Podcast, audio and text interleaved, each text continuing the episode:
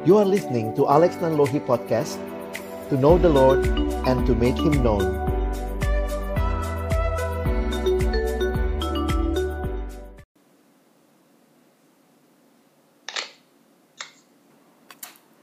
Halo Janice. Halo Jenis. Halo. Oke, jadi kita mau mulai ya PJ PJ kita hari ini. Em, sebelum kita mulai PJ hari ini, kita berdoa masing-masing dulu ya. Berdoa dimulai.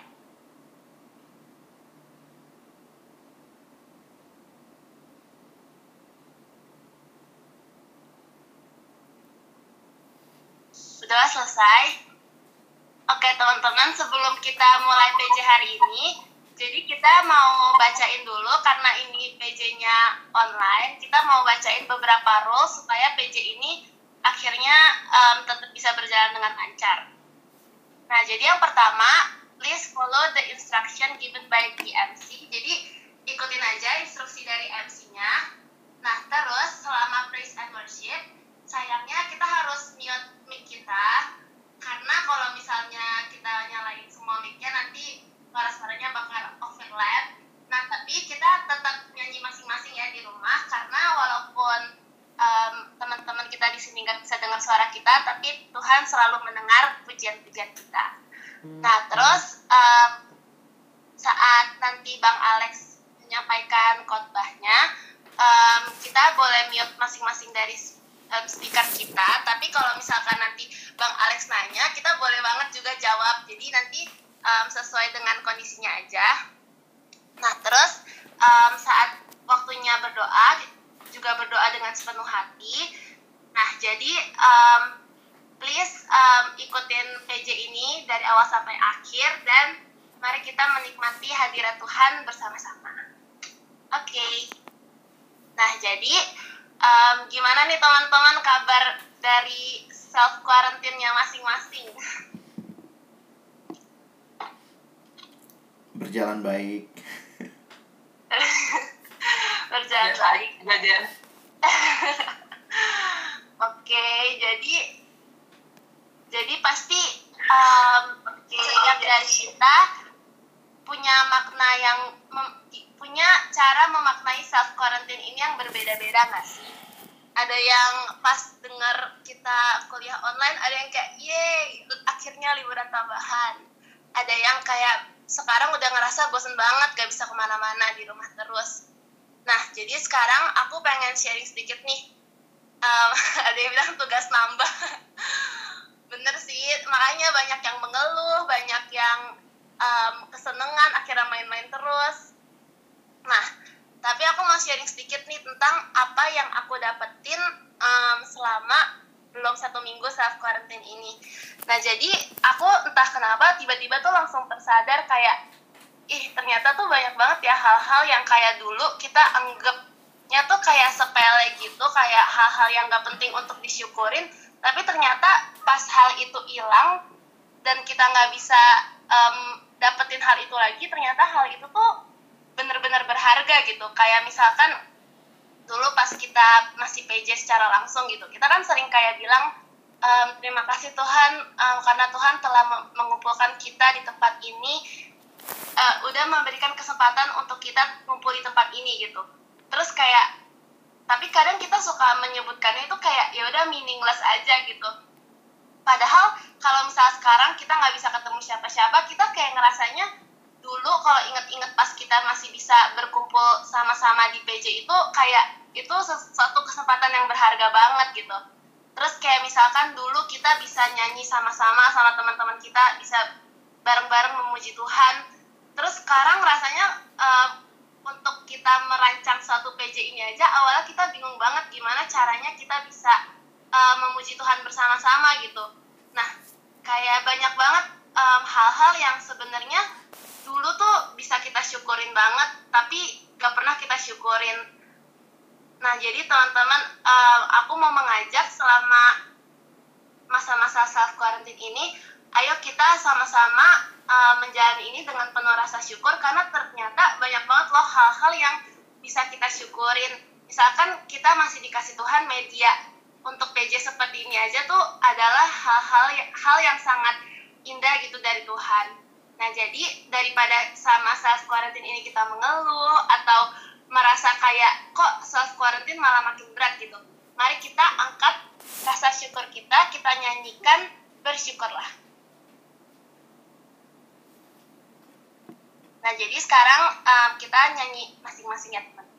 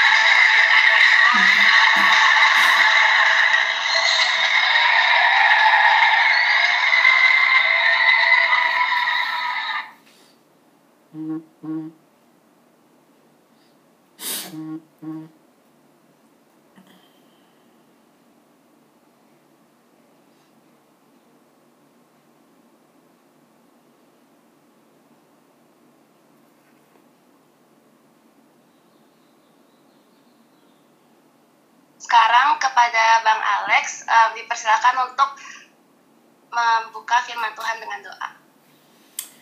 Mari adik-adik sekalian kita bersatu di dalam doa. Bapa di dalam surga, tidak henti-hentinya kami bersyukur karena di tengah-tengah berbagai pergumulan, Engkau tidak pernah meninggalkan umatmu, Engkau bersama dengan kami. Dan di tengah-tengah situasi ini pun kami sadar, kami membutuhkan Tuhan. Terima kasih untuk upaya yang teman-teman boleh lakukan dari pengurus, sehingga PJ sore hari ini boleh berlangsung.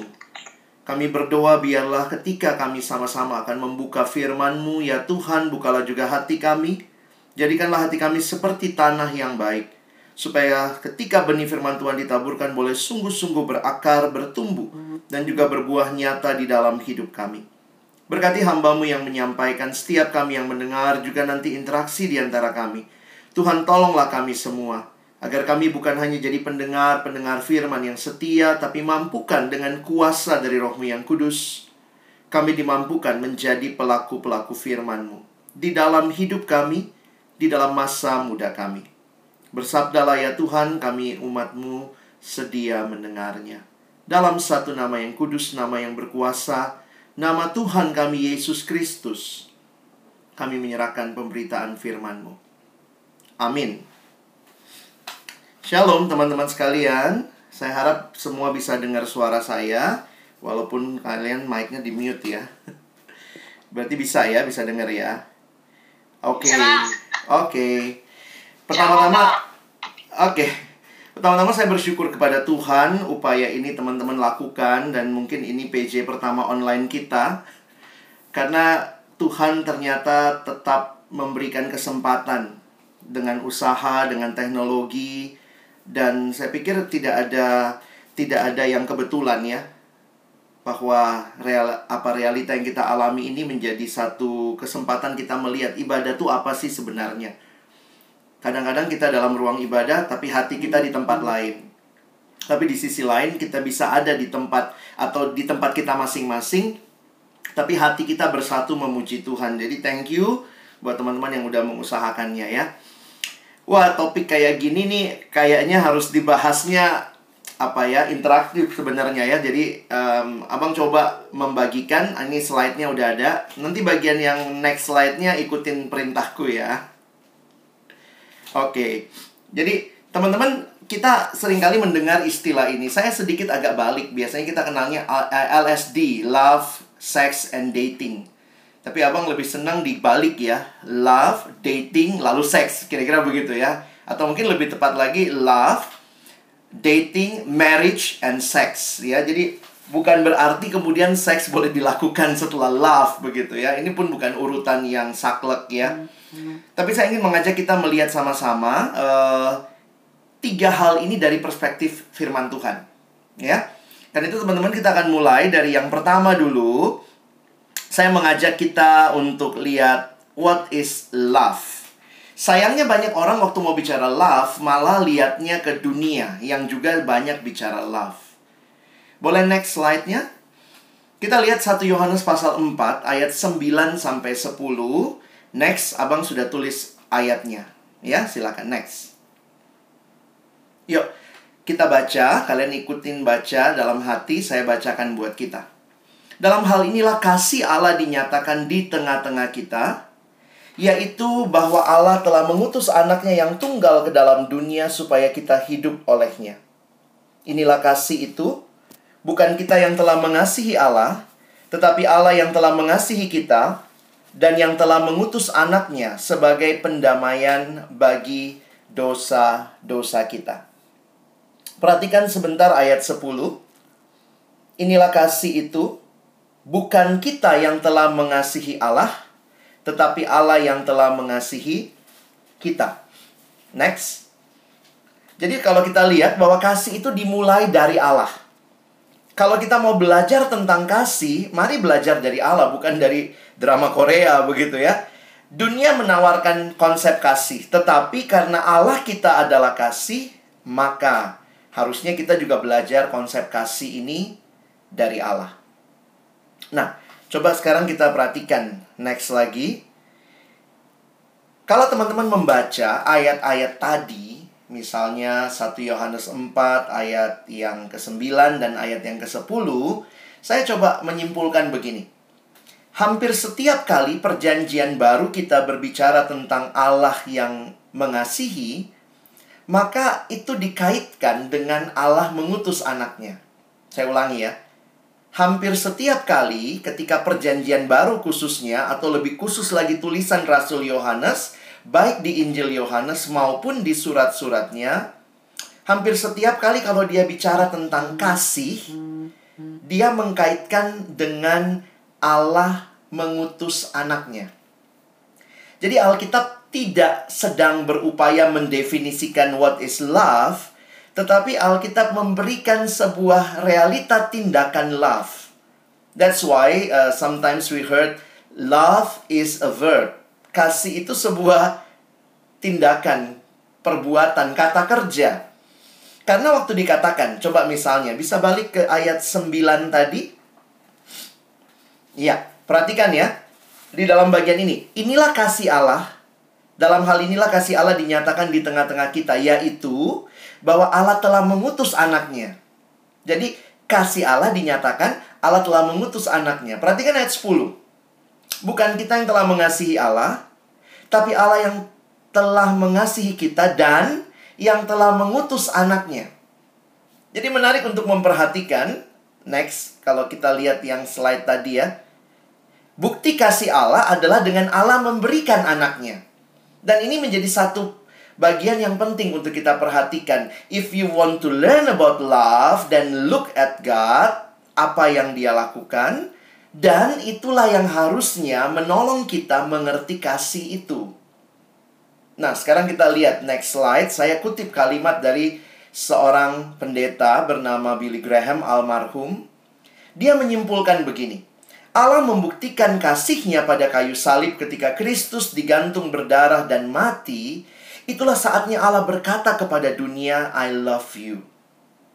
Jadi teman-teman bisa perhatikan, Allah mengasihi kita dengan menunjukkan apa yang anaknya lakukan di kayu salib bagi kita. Karena itu ada satu kalimat juga yang saya kutip dari John Stott next. Nah ini bisa jadi like this ya, kalimatnya menarik. If we are looking for a definition of love, we should look not in a dictionary, but at Calvary. Jadi kalau orang bilang love itu kayak apa ya sarang-sarang begitu ya sekarang tanda love-nya kan begini gitu ya. Tapi lihat next. This is not love, but next. This is love.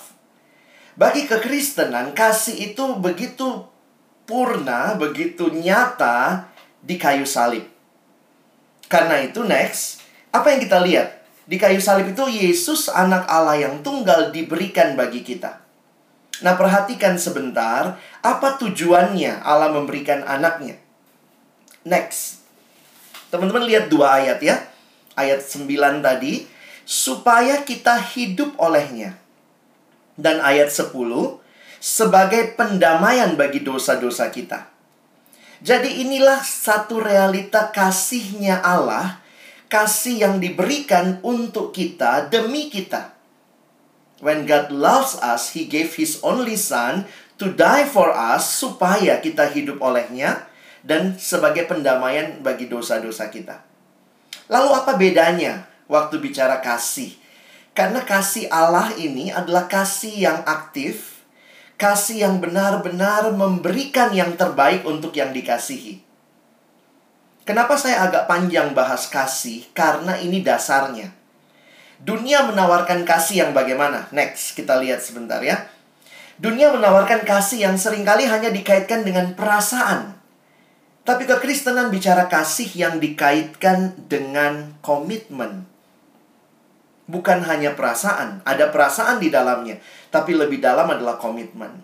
Kasih Allah yang dinyatakan adalah kasih yang memberi kepada kita, bukan kasih yang egois. Dunia menawarkan kasih yang egois. Dan kasih dunia, kasih yang terbatas, yang lebih untuk diri sendiri.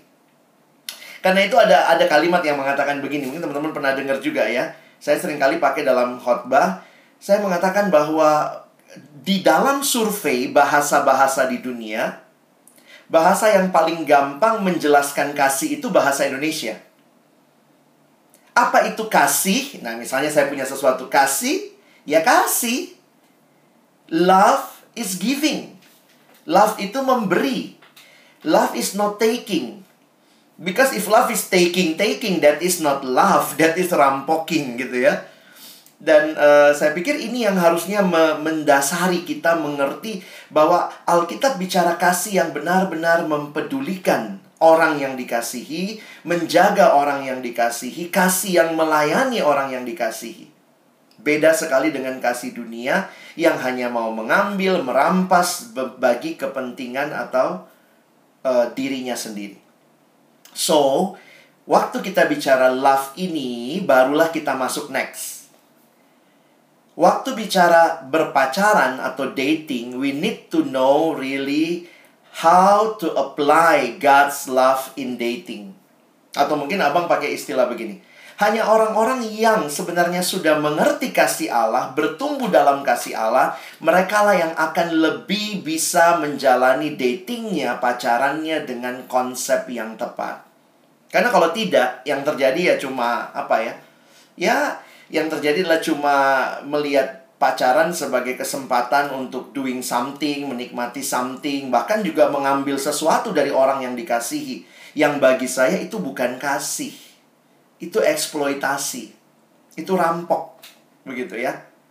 Nah, kita lihat next tentang pacaran ya. Remaja dan pemuda mengalami pergumulan dalam relasi, termasuk dalam relasi antara pria dan wanita. Jadi itu wajar. Kalau teman-teman ngalamin gitu ya. Uh, saya punya ponakan dulu waktu dia masih TK, anak kecil kan ditanya gitu. Uh, siapa aja temennya? Dia perempuan. Siapa aja temennya di kelas? Ada si Kevin, ada si uh, Anton, ada si Koko gitu ya segala macam. Terus kita nanya gitu, pacarmu yang mana? namanya anak kecil dia bilang oh semua semua cowok di kelasnya pacarnya dia gitu jadi banyak kali memang kalau orang masih kecil masih anak-anak belum belum mengerti. Bahkan tidak ada perasaan yang bergejolak ketika merasa suka. Karena merasa semua sama. Tapi seiring berjalannya waktu seiring pertumbuhan kita usia yang makin bertambah hormon-hormon kita makin berkembang. Ah kalian udah pada tahu lah ya saya nggak usah bahas itu psikologi perkembangan ya. Teman-teman psikologi pasti udah jagonya. Kalau uh, anak-anak yang di FKG mungkin juga bisa ngerti dari sisi ini ya, perkembangan seseorang begitu. Nah, ini kalau kita menangani pasien anak dengan mungkin pasien yang dewasa, yang tua itu pasti ada perbedaan. Di dalam pertumbuhan kita, salah satu cirinya adalah kita mulai mengalami pergumulan di dalam relasi pria dan wanita. Next, kita lihat nih. Coba keluarin aja semuanya. Next lagi sampai yang paling bawah. Nih ada beberapa tren kaum muda saat ini. Satu lagi yang paling bawah. Nah, ada yang bilang loh, semua orang pacaran, malu dong kalau jomblo terus. Kalau udah gak asik ya putus aja, serius banget sih mikirnya. Atau kolot banget gaya pacarannya ketinggalan zaman tuh. Atau mulai juga ada yang mendefinisikan pacaran hanya seperti friend zone. Nah ini banyak terjadi juga sekarang. Nah coba lihat next ya. Dan ini membuat orang merasa, wah kalau nggak pacaran kayaknya ini banget gitu ya. Dunia runtuh begitu. Lo jomblo dikatakan jomblo nggak laku, nggak gaul gitu ya. Nah next, mengapa demikian? Salah satu faktornya adalah media massa yang sering mencekoki kita dengan berbagai kisah romantis. Lihat aja tuh Dilan aja berseri-seri begitu ya. Next yang paling bawah. Ada kalimatnya. Ah, next lagi nih. Hal ini mengakibatkan kebingungan. Jangan tanya itu film drama Korea apa ya. Abang cuma taruh aja gambarnya. Mengakibatkan kebingungan di kalangan muda sehingga mereka mengisi masa muda mereka dengan hal-hal yang mengikuti tren semata-mata. Jadi coba lihat definisi yang bervariasi berikut next. Pacaran itu yang mana? Apakah pacaran itu punya teman dekat yang tetap? Atau pacaran itu sama dengan TTM? Atau pacaran itu relasi khusus dengan doi yang mengasihi dan dikasihi, tapi nggak perlu mikir panjang sampai pernikahan? Atau pacaran itu suatu langkah penting sebelum pernikahan? Hanya dengan orang yang sudah dipertimbangkan serius untuk menjadi calon istri atau suami, dan isinya adalah adaptasi dan penjajakan terakhir. Nah, mungkin sebagai anak Tuhan kita harusnya milih yang terakhir ya, yang ketiga ya.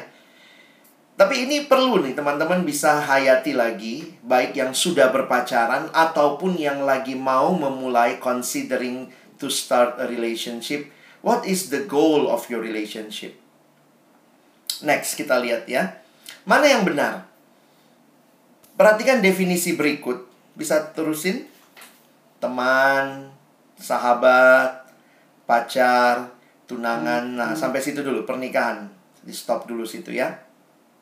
Teman-teman mesti belajar mendefinisikan ini.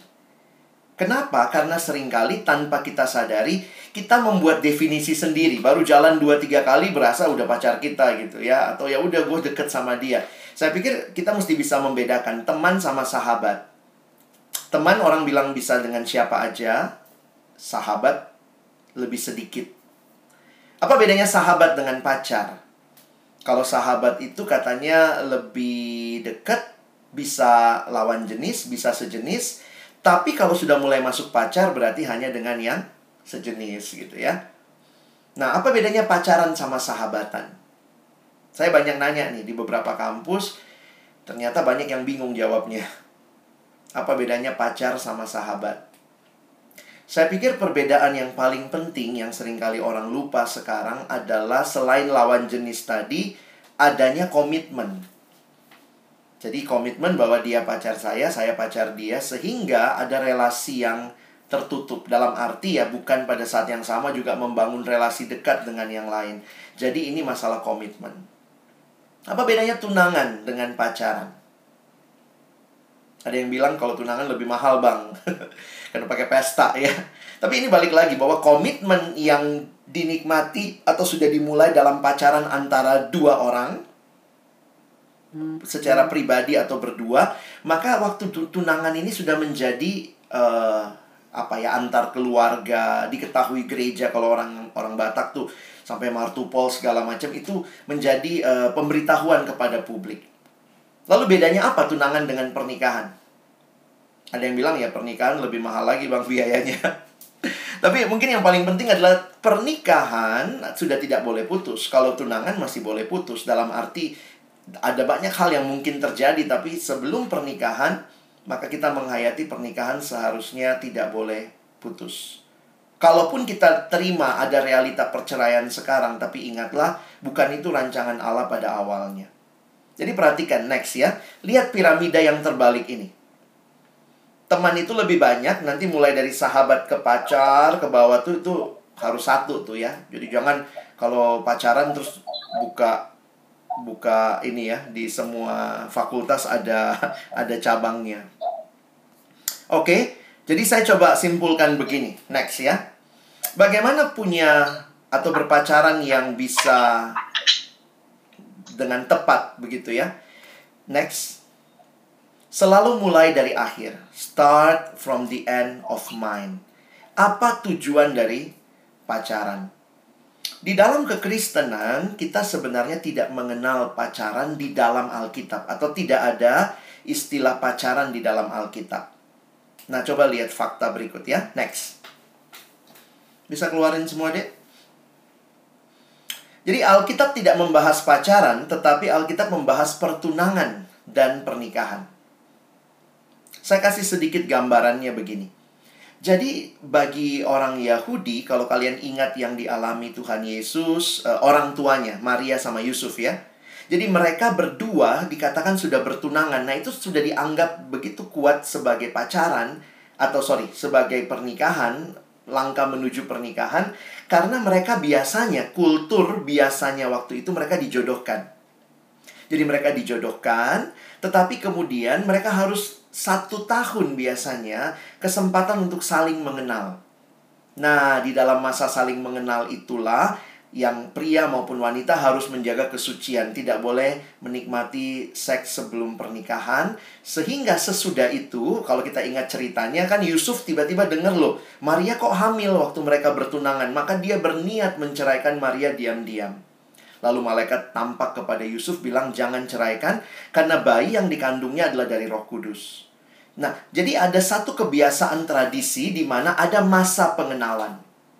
Jadi dalam budaya pada waktu itu masa pengenalannya adalah setelah di apa dicomblangin atau di di apa dinikah apa ditunangkan lalu mereka mengenal. Nah, kita kan bukan lagi dalam budaya seperti masa orang tua Yesus. Budaya kita sekarang adalah kita di uh, pacaran dulu baru kemudian tunangan lalu menikah atau langsung menikah begitu ya. Poinnya adalah sebenarnya baik pacaran maupun perjodohan pada waktu itu dengan masa pertunangan intinya adalah pengenalan. Jadi baik pada masa Yesus pengenalan maupun masa sekarang juga pacaran kita bicara bahwa masa pacaran adalah masa pengenalan. Jadi makanya walaupun Alkitab tidak bahas pacaran, bagaimana orang Kristen membicarakan pacaran? Maka pacaran Kristen yang benar harusnya memiliki tujuan pernikahan. Dan karena pernikahan itu sifatnya kudus, maka pacarannya pun harus kudus. Jadi waktu kita siap memulai pacaran atau sudah berpacaran, pikirin lagi tujuannya apa. Kalau jelas tujuannya pernikahan, maka juga coba evaluasi lagi. Apakah kita benar-benar menjaga pacaran kita dengan konsep kekudusan yang sesungguhnya. Kita lihat beberapa slide lagi. Next, tentang pacaran sebelum saya pindah ke terakhir seks ya. Boleh keluarin semua aja deh. Jadi yang bukan tujuan pacaran, yang bukan dulu kita mulai ya, bukan sarana pemuasan hawa nafsu. Bukan sekedar memberi motivasi belajar atau bekerja. Saya pernah pimpin retret anak SMP, lalu dia nanya gini, Kak Alex, boleh nggak kita pacaran? Ini yang nanya laki-laki cowok kelas 1 SMP. Waktu itu saya sampai mandangin dia. Gile celana lu aja nggak sampai bawah gitu ya anak SMP.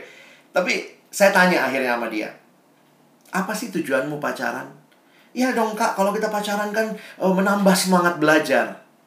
Loh, berarti kamu cuman pacaran demi menambah semangat belajar. Makanya ini pacaran yang sangat egois.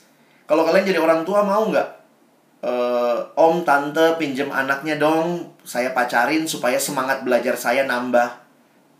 Saya pikir bukan demikian. Harusnya pacaran itu adalah kalaupun terjadi semangat belajar bertambah itu bukan tujuan, tapi akibat. Karena mungkin kita dengan jelas berpikir dia sahabat kita, dia orang yang kita doakan, kita jaga kekudusan.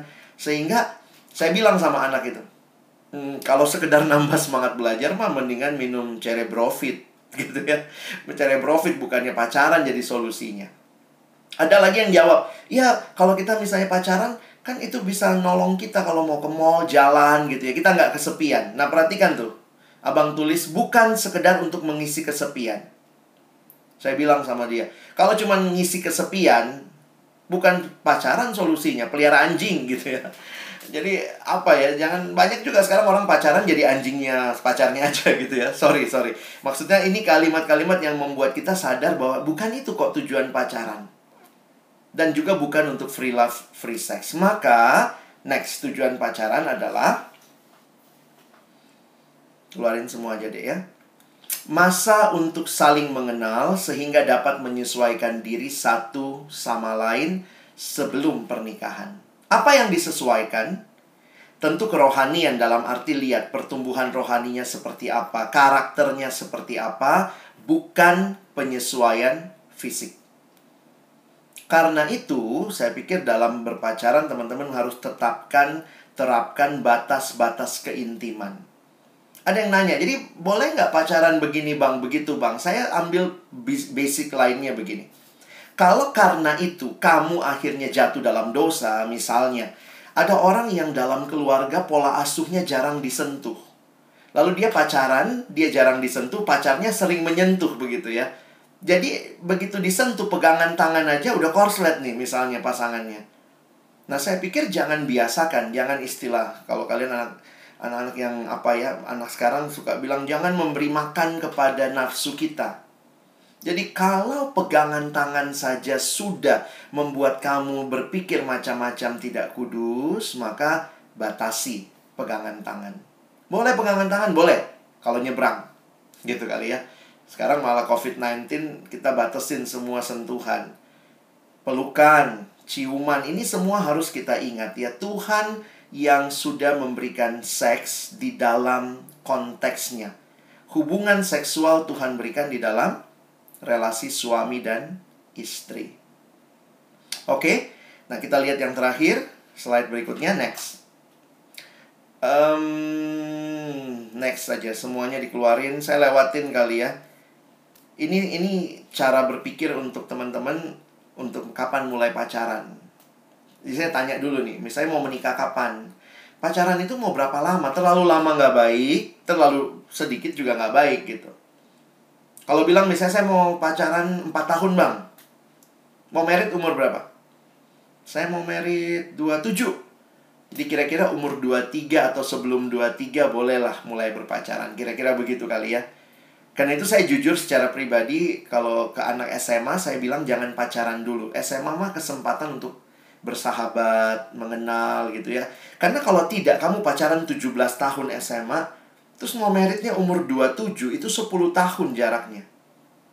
Nah 10 tahun pacaran udah deket secara fisik tapi belum boleh ngapa-ngapain itu godaannya besar. Jadi hati-hati coba, coba berpikir dengan logis. Lalu tanyakan juga sudah siapkah saya jadi penolong? Atau ini cuma kebutuhan? Atau ini adalah sudah kebutuhan atau keinginan semata-mata? Next. Nah, keluarin semuanya juga ya. Jadi ini ada beberapa prinsip. Jangan menjadi pasangan yang tidak seimbang.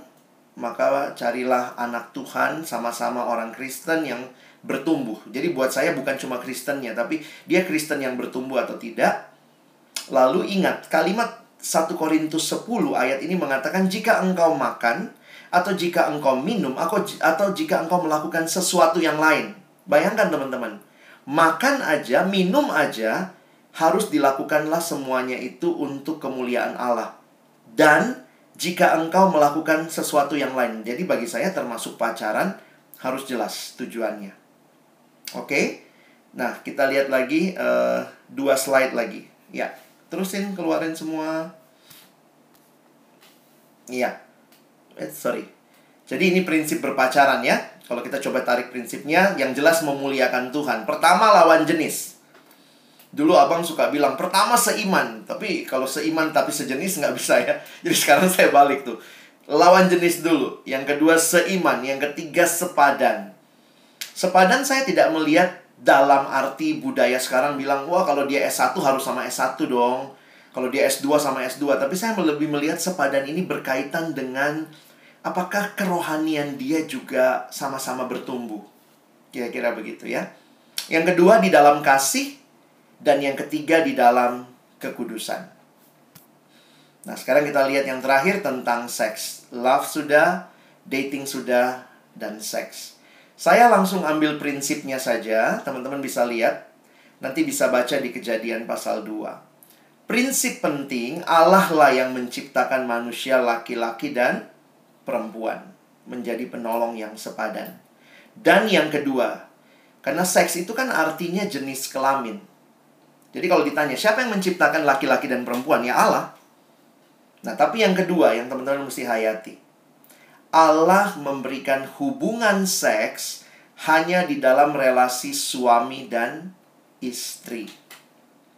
Saya lupa persisnya beberapa tahun yang lalu ada seminar tentang uh, eh, LSD, LDS ini ya. Love, Dating and Sex dan saya menjadi pembicara dengan satu alumni psikologi dan dia memberikan data secara psikologis dari buku-buku psikologis apa itu seks yang dewasa. Dan menarik sekali kalimatnya begini, seks yang dewasa itu sebenarnya mirip sekali dengan konsepnya Alkitab, yaitu seks yang dinikmati di dalam komitmen suami dan istri. Karena itu kalau teman-teman lihat banyak hal-hal yang terjadi di luar itu kelihatannya membawa keintiman tetapi seks sebelum pernikahan atau seks di luar pernikahan sudah punya suami atau istri tapi masih lagi cari jajan di luar sebenarnya justru akan membuat kehancuran dan bahkan membuat makin tidak saling menghargai. Jadi kecenderungannya ketika seks dinikmati di luar pernikahan, di luar komitmen karena komitmen kasih itu saling memberi. Bayangkan kalau bukan dalam komitmen kasih Kristiani, seks dilakukan itu saling mengambil, maka itu akan cenderung merusak. Jadi ini adalah prinsip-prinsip firman Tuhan yang bisa teman-teman pikirkan, teman-teman gumulkan baik untuk yang sedang akan memulai pacaran ataupun teman-teman yang sudah berpacaran. Oke, dari saya itu dulu. Silakan jika mungkin ada pertanyaan atau apa yang teman-teman rencanakan, silakan dari pengurus.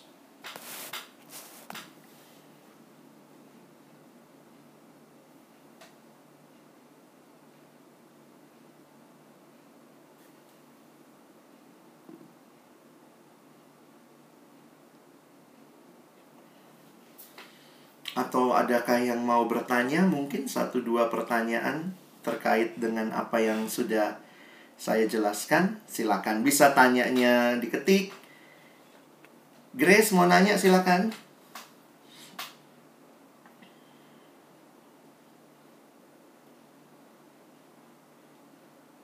Oh ya, hidupin hidupin mic-nya bukan speak ya, hidupin mic-nya kalau mau nanya. Silakan.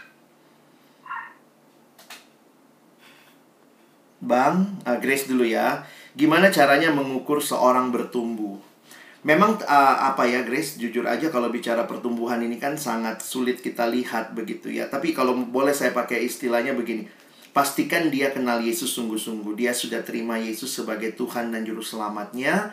Itu kelihatan dari apa? Dulu di dalam dosa manusia dikatakan mati. Binasa dalam dosa. Tapi ketika orang lahir baru, maka dia mengalami perjumpaan dengan Tuhan, maka dia mengalami kehidupan rohani. Nah, kehidupan yang sehat setelah Yesus ada dalam hati kita adalah pertumbuhan. Pertumbuhannya apa? Paling tidak kalau lihat di Alkitab, kita semua bertumbuh ke arah Kristus. Nah, itu aja sih poin utamanya. Apakah seperti Kristus tuh kayak apa? Nah, saya pakai kalimatnya Tuhan Yesus. Mengasihi Allah dengan segenap hati, mengasihi sesama dengan segenap hati. Nah, itu kan eh, dasarnya. Tapi kemudian lanjut lagi apa buktinya? Nah, ini kita bicara nih, apakah dia juga misalnya dalam rangka mengasihi Allah, dia terbiasa baca Alkitab, berdoa setiap hari. Nah, jadi kan pertanyaannya, tapi uh, bukan cuma yang legalistik ya tiap hari baca Alkitab, tapi sebenarnya dia baca Alkitab nggak nggak jelas tujuannya. Tapi orang yang bertumbuh, dia nyatakan kasihnya kepada Tuhan dengan membaca firman Tuhan. Terus misalnya dia bertumbuh nggak dalam relasi dengan sesama, kamu juga mesti lihat tuh Apakah dia bagaimana kepada orang tuanya? Dia hormati nggak orang tuanya? Kalau kamu akan menikah dengan dia, ingat orang tuamu akan jadi orang tua dia. Nah, cara dia memperlakukan orang tuamu, eh orang tuanya sendiri akan menunjukkan buat kita gitu. Nah, tapi apakah ada yang sempurna banget, Bang? Enggak, belum ada sih yang sempurna. Karena itu perhatikan, dia terus mau bertumbuh nggak? Misalnya kalau dia nggak saat teduh, nggak baca Alkitab, nggak ke gereja, dia nyesel nggak? Atau dia cuman, ah udahlah, nggak Nah, kalau kayak gitu kita bisa omongin. Yuk kita bertumbuh sama-sama, punya jam doa bersama sebagai pasangan. Jadi gitu ya. Eugene, Eugenia Marda. Alex, aku temennya Naya, kakaknya Adrian. Oh ya, aku mau nanya, ada jarak umur yang ideal untuk mencari pasangan? Um, kalau ditanya umur yang ideal, sebenarnya di dalam Alkitab tidak ada tidak ada petunjuk khusus peraturannya gitu ya. Tetapi biasanya secara psikologis orang mengatakan sebaiknya yang pria lebih tua karena mempertimbangkan bahwa efek psikologis pria akan lebih dahulu uh, pria biasanya lebih lambat pubernya, wanita lebih duluan. Nah, itu berkaitan dengan masa menopause nanti. Nanti ketika uh, wanitanya sudah mulai menopause. Tapi bagi saya begini loh, saya ketemu beberapa pasangan yang wanitanya lebih tua bahkan 10 tahun dari sang pria. Tapi saya melihat lagi, makanya menarik adalah pertumbuhan mereka akan menolong melihat. Jadi kan orang bilang gini, nanti istrinya udah nggak bisa ngapa-ngapain, suaminya baru mulai puber kedua. Seolah-olah kayaknya kalau orang puber kedua dia boleh melakukan apa saja kalau istrinya sudah menopause ya udah dia bisa main sama siapa aja. Saya ngelihat justru ketika kerohanian menjadi dasar yang utama maka perbedaan umur itu bisa dibicarakan. Nah, cuma buat teman-teman yang misalnya perempuannya lebih tua, apalagi kalau lebih dari lima tahun, saya pikir cari counseling dari banyak tempat supaya kalau masih beda setahun dua tahun atau beda bulan aja wanitanya lebih tua berapa bulan kayaknya nggak nggak terlalu ini ya. Nah tapi lihat prinsipnya kali ya Eugenia ya. Dari Jason permisi bang izin bertanya bang. Ini masih belum mengerti mengenai seks sebagai procreation serta pandangan Kristen mengenai alat kontrasepsi dalam pernikahan thank you bang wow Nah, ini memang menarik untuk didiskusikan. Saya pikir kita butuh uh, sesi lain. Nah, kalian dalam dunia kedok kedokteran ya akan mengerti bahwa ada masa masalah pembatasan kelahiran. Jadi, di dalam diskusi dengan beberapa teman yang mendalami isu-isu seperti ini, maka mereka mengatakan kontrasepsi menjadi pilihan di dalam membatasi kelahiran. Ini yang pertama. Yang kedua, menunda untuk memiliki anak. Kenapa? Jadi uh, poinnya adalah begini. Ketika misalnya kedua suami istri coba pertama misalnya uh, menunda kelahiran, ini kalau yang sudah menikah biasanya yang terjadi adalah menunda kelahiran. Nah, itu karena misalnya merasa belum siap secara ekonomi, kalau mungkin sedang belajar. Jadi, itu dalam kekristenan beberapa hal seperti itu dimaklumkan. Nah, tapi memang diskusinya bisa panjang ya. Tapi poin saya adalah terima dulu bahwa ada situasi-situasi yang membuat akhirnya uh, kontrasepsi itu di, diterima. Tapi yang kedua adalah juga uh, yang sedihnya adalah banyak kontrasepsi dipakai untuk hal-hal di luar pernikahan. Misalnya seks yang aman gitu ya. Yang penting you can have sex but uh, safe sex gitu. Nah, saya saya melihat nah itu penggunaan kontrasepsi yang salah menurut saya. Jadi uh, tentu dalam realita dunia yang tidak seperti dulu, dulu kan Tuhan berkata kuasai dunia, penuhi dunia karena memang masih kosong dunianya. Sekarang ketika kita melihat ledakan penduduk, maka para teolog Kristen meresponi dengan mengizinkan kontrasepsi juga untuk membatasi kelahiran. Sudah punya anak tiga, ini gimana nih? Ya udah pakai kontrasepsi untuk membatasi kelahiran. Jadi itu diterima di dalam kekristenan ya. Tapi bukan untuk uh, kayak apa ya menunda kelahiran. Nah ini agak beda juga. Misalnya menunda kelahiran misalnya belum siap karena ekonomi atau karena studi dengan yang namanya tidak mau punya anak nah saya pikir itu yang nanti kalau tidak mau punya anak ini kaitannya dengan yang tadi uh, Jason tanya soal seks sebagai pro procreation. Bang Alex saya mau nanya dari Joan Daniel, kalau pacaran dengan yang agama Katolik sebenarnya boleh nggak sih? Saya akhirnya melihatnya gini, jangan lihat bungkusnya saja dia Katolik, dia karismatik, dia Protestan, tapi sebenarnya pertanyaan mendasar dia orang Kristen yang terima Yesus kah dan yang bertumbuh atau tidak? Saya kenal beberapa teman Katolik yang meyakini Yesus sebagai Tuhan dan Juru Selamat begitu. Jadi bagi saya saya lihat iya ya nggak nggak masalah juga gitu. Nah cuma ini mungkin yang jadi masalah adalah kalian harus memilih. Saya pikir nanti kalau satu waktu misalnya akan menikah dari dua gereja yang berbeda, kalian harus memilih gitu. Karena sering kali kan ada yang ngotot, pokoknya gue nggak mau ninggalin gereja gue gitu. Nah ini ya akhirnya kalau apa ya jadi masalah nanti kasihan sama anak kalau punya anak begitu ya. Jadi sejauh kita masih melihat Katolik kan saudara kita, Protestan, Karismatik, Pentakosta, kita masih dalam satu lingkaran. Lihat aja, kita percaya nggak sama pengakuan iman rasuli yang meyakini bahwa Allah Tritunggal, Allah Bapa, Anak, dan Roh Kudus. Vincent, permisi bang, saya wakilin teman saya nanya, Kalau pasangannya berbeda agama Katolik bagaimana ya bang? Nah itu saya udah jawab tadi ya. Uh, pastikan dia bertumbuh atau tidak, dia kenal Yesus sungguh-sungguh atau tidak. Nah sebaliknya, bahkan di gereja kita, kalau ternyata orang yang nggak bertumbuh, nggak kenal Yesus, jadi bukan masalah dia Katolik atau dia Protestan atau dia apa gitu ya, kita perlu cari lebih dalam. Ada pertanyaan titipan dari Ais.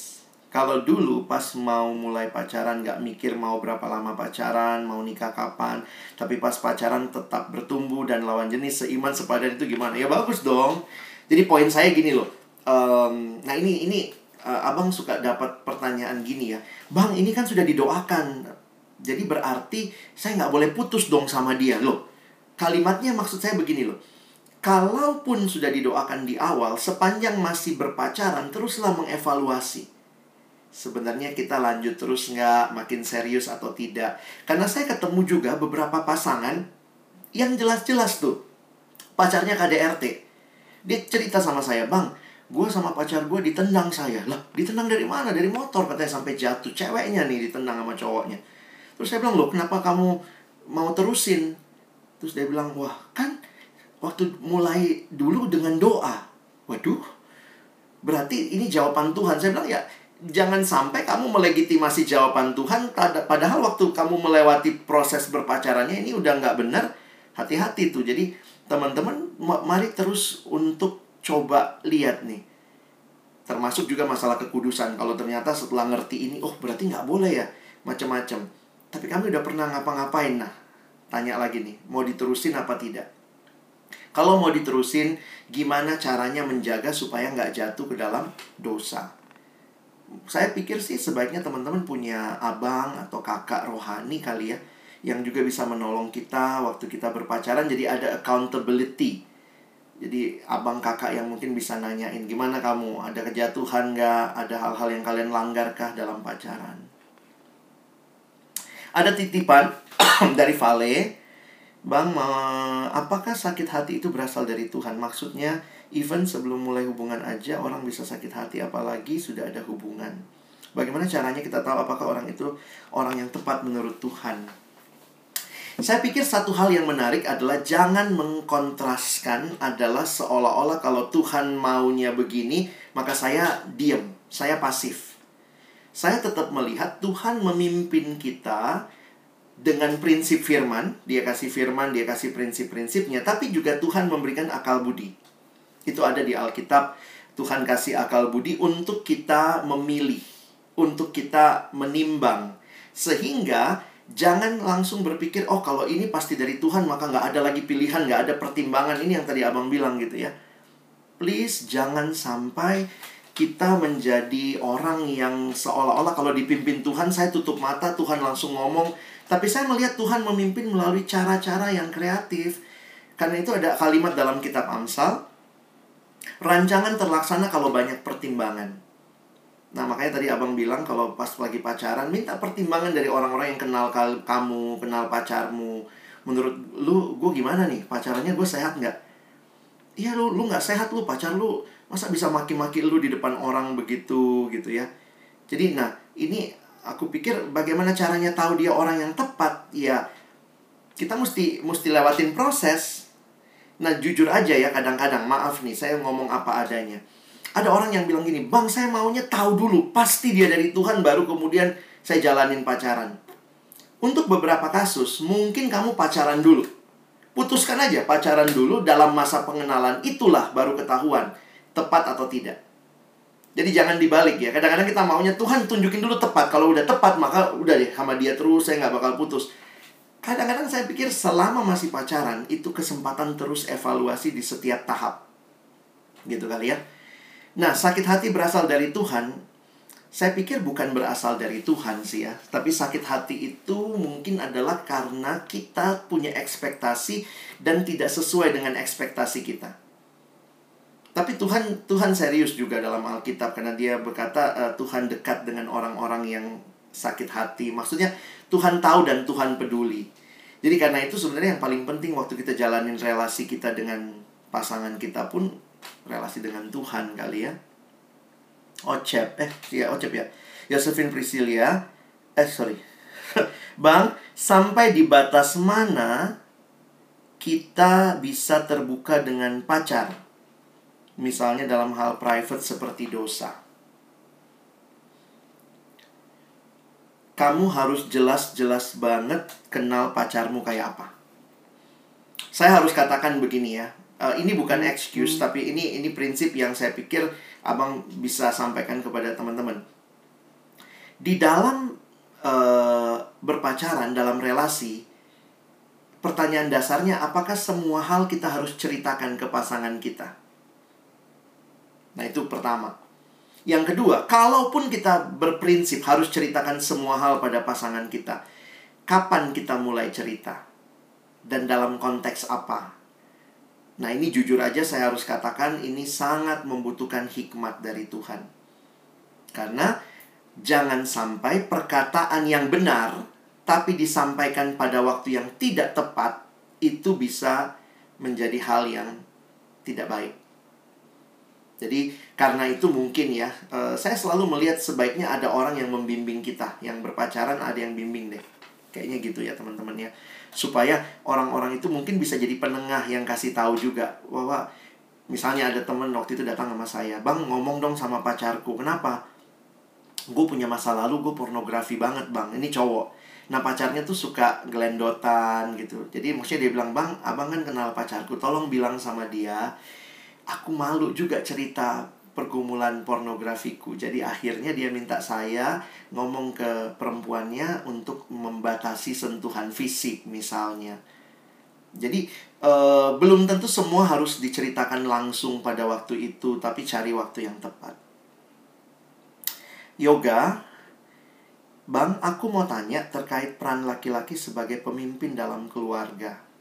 Gimana kalau misalnya si perempuannya adalah orang yang cenderung aktif dan suka inisiatif, sedangkan si laki-lakinya cenderung biasa aja, pasif, malah mungkin titik-titik-titik. Nah, gimana pandangan abang soal ini? Yoga thank you ya Pertanyaan ini juga jadi banyak pertanyaan Khususnya kita mesti jujur juga Belum tentu kalian dari keluarga yang mamanya sangat tunduk sama papa Mama-mama sekarang kan mungkin juga Dengan pendidikan, dengan segala macam Perempuannya kok lebih aktif, lebih inisiatif tetap kita pakai prinsip Alkitab. Bagi saya begitu, tetap kita pakai prinsip Alkitab dan ingat, masa pacaran sampai pernikahan nanti pun ini masa terus bertumbuh. Saya langsung kasih contoh aja. Abang dengar satu masukan dari seorang kakak rohani yang dia kakak ini tahulah kakak-kakak PO ya. Di PO kan gitu, ceweknya yang yang gulung kabel gitu ya, cowoknya selfie-selfie. Kadang-kadang gitu ya sekarang cowok sekarang gitu ya. Nah, jadi dia dia cerita nih uh, gimana ya bang uh, kata eh sorry dia cerita gitu kan kakak ini dia cerita saya setelah dari pacaran sampai menikah memang terus bergumul untuk memberikan kesempatan suaminya memimpin. Jadi ini menarik nih. Dia berusaha sebagai perempuan menahan diri, beri suaminya kesempatan memimpin. Dan suaminya pun nampaknya makin mengerti banyak hal kesempatan-kesempatan itu suaminya yang sekarang mengambil alih kepemimpinan karena memang pada dasarnya dia pria yang tipe pria yang cukup pasif. Jadi poin saya begini. Kalau kalian sudah siap menjalani relasi dengan orang yang dasarnya misalnya dia perempuan yang aktif, inisiatif, maka itu mungkin akan susah diubah tapi dia bisa menahan diri kalau dia terus bertumbuh dalam Tuhan sebagai perempuan yang mencoba memberi kesempatan suaminya memimpin. Demikian juga suaminya. Karena apa ya, kalau udah tipe dasarnya dari dulu dia begitu akan susah tuh di, di diubah. Tapi seiring berjalannya waktu, saya pikir pertumbuhan akan menolong masing-masing menahan diri dan memberi kesempatan kepada pasangannya untuk berkembang. Ingat, yang perempuan, kamu adalah yang tunduk tapi apakah tunduk itu berarti diapain aja tunduk? Nggak gitu. Tapi tunduk itu kalimat Alkitab, istri tunduklah kepada suamimu. Suami kasihilah istrimu. Kalau tiap orang melakukan bagiannya, suami mengasihi istri, istri mengasihi suami, ya saya pikir pasti akan menolong sih. Makanya terus bertumbuh itu penting, bahkan sampai nanti kita sudah menikah pun. Halo Michael dari Fasilkom. Iya, Mau tanya Bang, pandangan kekinian mengenai pertama pacaran backstreet, yang kedua PDA public display affection. Makasih Bang. Pertama pacaran backstreet, saya jujur aja uh, secara pribadi nggak terlalu setuju. Kenapa? Karena pacaran itu juga kesempatan kita diuji ya. Sebaiknya ada yang tahu. Nah memang sulitnya biasanya backstreet kenapa? Keluarga nggak setuju, beda suku, beda apa ya beda budaya. Nah, saya harus katakan memang ini kasus per kasus, tapi coba perhatikan backstreet itu jangan kemudian kamu pacaran berdua aja dalam solitary. Maksudnya kamu butuh orang lain paling tidak mungkin kakak rohani, teman-teman yang kenal kalian sehingga bisa tahu nih. Backstreet itu lihat dulu uh, penyebabnya apa dan kalaupun misalnya ada yang dulu datang sama saya, orang tuanya nggak setuju nih. Mereka backstreet, tapi saya bilang perlu ada kakak rohanimu yang tahu. Nah, dan akhirnya kakak rohani ini yang bisa menolong juga. Karena kalau udah backstreet lalu kemudian jadi kayak nggak ada yang tahu, saya pikir hati-hati ya. Public display affection, ini tujuannya apa ya? Kadang-kadang ada orang yang cuma mau kelihatan Apalagi kalau masih pacaran ya, hati-hati dengan sentuhan, kedekatan fisik. Karena saya harus katakan gini teman-teman, kita ini makhluk seksual kan? Dan itu adalah anugerah Tuhan. Tuhan yang ciptakan kita begitu. Jadi saya ingat dulu dosen saya juga ngomong gitu ya di di sekitar bibir kita ini ini saraf-saraf kenikmatan di sekitar leher di sekitar dada di sekitar uh, alat kelamin di itu semua apa ya bagian-bagian yang Tuhan kok yang nyiptain syaraf-syaraf kenikmatan nah kalau kita display itu hanya demi orang lihat kita dekat kita akrab kadang-kadang ada juga yang displaynya di sekarang di medsos kali ya. Tapi poin saya adalah lebih baik kita dengan baik menjaga diri. Jangan memancing diri jatuh ke dalam pencobaan. Jadi balik lagi PDA ini tujuannya apa? Dan saya pikir sih untuk pacaran itu bukan tujuan yang harus dilakukan. Kalau dalam pernikahan maka beberapa kali saya lihat marriage enrichment gitu ya. Konselor-konselor pernikahan mengatakan coba tunjukkan. Ini lucunya begini ya Waktu pacaran nunjuk-nunjukin Tapi pas sudah merit Apalagi udah 10 tahun, 15 tahun menikah Membelai rambut istrinya nggak pernah e, Meluk suaminya udah jarang. Jadi sebenarnya lucu juga tuh PDA ini Kok makin tua tuh Makanya justru nasehatnya dari marriage counselor Mulai perdekat lagi Khususnya udah lama menikah begitu ya. Louis. Bang, teman saya baru saja mengakhiri hubungannya namun dengan cepat dia mulai mendekati perempuan lain. Ia merasa hal ini tidak salah karena intensi hatinya benar. Menurut Bang Alex bagaimana? Apakah ini sesuai dengan prinsip Kristiani? Di dalam kekristenan ada hal yang benar. Mungkin tidak masalah, tapi ada bagian yang diingatkan. Saya pakai prinsip Roma 14. Kalau itu menyandung orang lain, maka walaupun itu benar, Tuhan bilang, melalui Rasul Paulus misalnya jangan lakukan itu. Nah, saya jujur aja ya, khususnya untuk hal-hal seperti ini yang baru putus langsung pacaran lagi, saya harus bilang gini teman-teman ya, kita punya etika juga di dalam berelasi. Jadi mungkin tidak melanggar kebenaran tetapi tidak patut secara etika. Baru juga putus udah langsung jadian lagi. Maksudnya cobalah menghargai perasaan karena biasanya gini teman-teman ya putus itu pasti dua-duanya sakit kalau benar-benar relasinya baik. Nah, ini yang perlu waktu mungkin untuk apa ya? Untuk rilis, untuk lewatin semua. Nah, ini yang saya pikir teman-teman harus belajar juga melewatinya. Tapi ingat ya, kan kamu nggak bisa paksa temanmu ya, tapi paling tidak bisa kasih tahu sama dia. Sebaiknya coba banyak evaluasi dulu. Kenapa sih hubungan gue berakhir? Jangan buru-buru langsung mengisi kesepian itu, tapi mungkin waktu kita refleksi lebih dalam apa ya sebulan dua bulan tiga bulan kita jadi makin tahu supaya kalau kita memulai relasi yang baru jangan ngulangin hal yang sama. Oke. Okay. Jason bang mau nanya cara menembak orang gimana biar nggak biar ampuh? Tembak langsung deh. Karena udah doa bang tapi kayaknya aku nggak ada action juga tidak dijawab. Saya pikir gini kalau cowok itu resiko kita ditolak. Jadi berani maju. Maksudnya begini, ya udah nyatakan perasaan, ambil waktu misalnya uh, ketemu. Nah, mungkin yang penting adalah begini, waktu kita secara dewasa menyatakan perasaan kita, eh mungkin ya saya nggak bisa kayak gitu mah cobalah deh kau lebih jago dari abang kali ya dulu waktu aku deketin kakak cuma bilang gini aja aku telepon gitu "Eh, saya mau ketemu kamu dong saya mau kenal kamu lebih dalam terus kemudian saya ajak berdoa. Yuk sama-sama kita doain pergumulan ini. Nah jangan lupa teman-teman yang lagi ajak doa bersama misalnya tolong kasih batas waktu. Jadi jangan iya kami lagi doa sama bang. Sampai kapan? Nggak tahu. Lah jadi kan hak jawaban itu juga kan sama-sama butuh kepastian nih. Kalian bisa sepakati kita doa bersama tiga bulan ini ya misalnya bisa begitu nah nanti tiga bulan itu ya udah jelas kalau dia bilang enggak ya kita juga mesti move on. Berarti ya udah memang enggak. Yang perempuan hargailah kalau ada pria yang maju. Kalau pria mesti berani maju juga. Jangan deket-deket nggak ada tujuan deket-deket tapi nggak ditembak. Orang juga bingung gitu. Ada cewek datang sama abang nanya bang Alex kenapa sih cowok ini terus deketin aku? Dia maunya apa sih bang? Saya bilang lo kok nanya saya? Tanya sama dia dong gitu ya. Dia bilang iya anak-anak PO nih deket-deket tapi nggak berani maju nggak berani nembak nah makanya saya bilang nih yang cowok-cowok harus siap ditolak nembak dan siap ditolak. Yang perempuan kalau ada cowok yang maju hargai.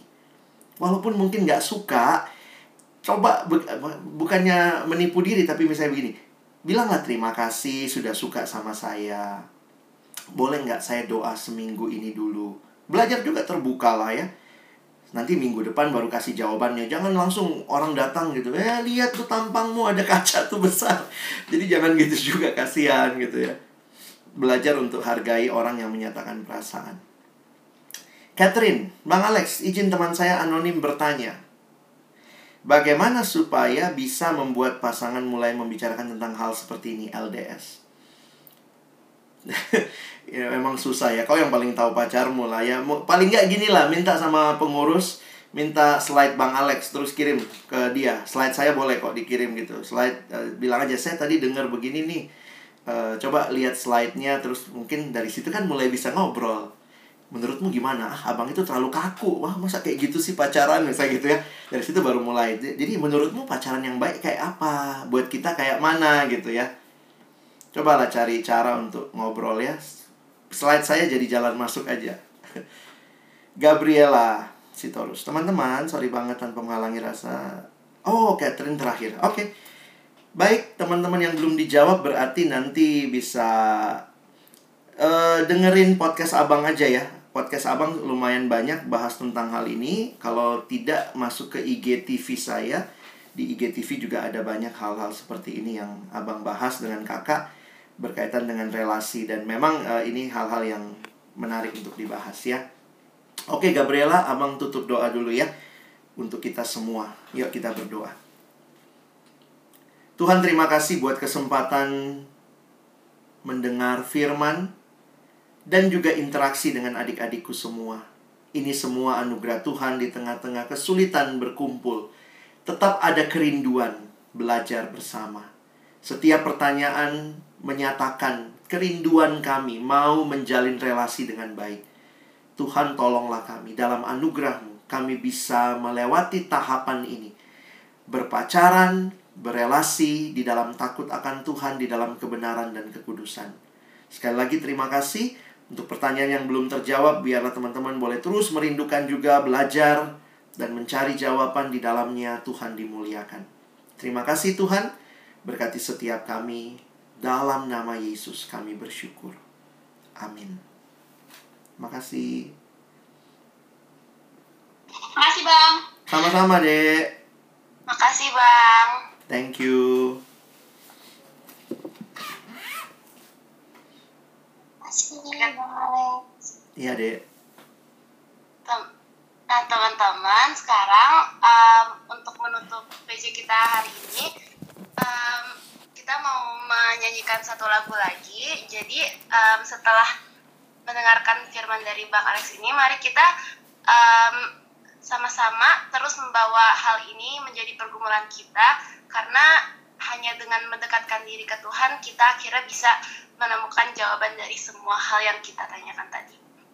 Em, sekarang kita mau menyanyikan satu lagu yaitu em, bagaikan bejana, Ba- bagaikan bejana. Aku mau seperti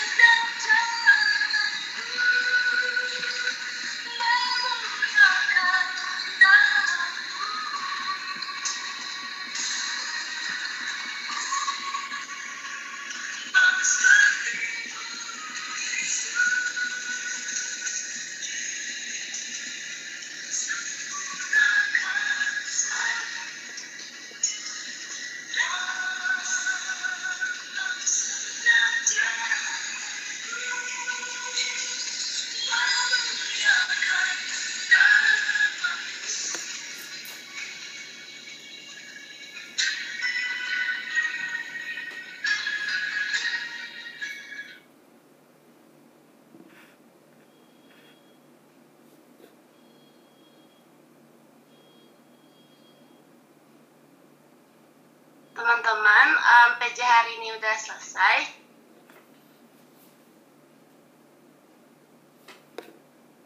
Em, di kepada Bang Alex dipersilakan untuk menutup PJ hari ini. Mari adik-adik sekalian, teman-teman sekalian, kita menutup di dalam doa.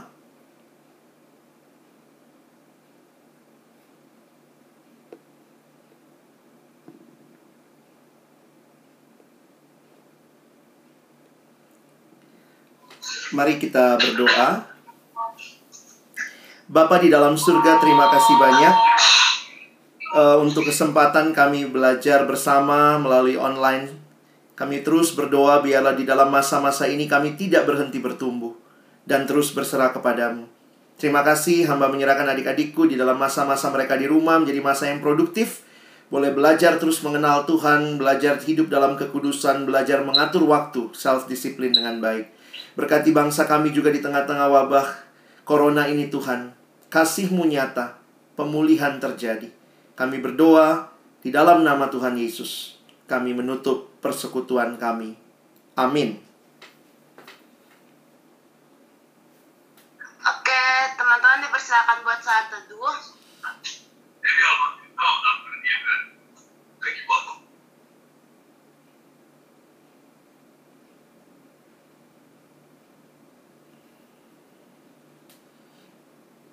Saat teduh selesai, terima kasih teman-teman. Terima kasih. ikut hari ini.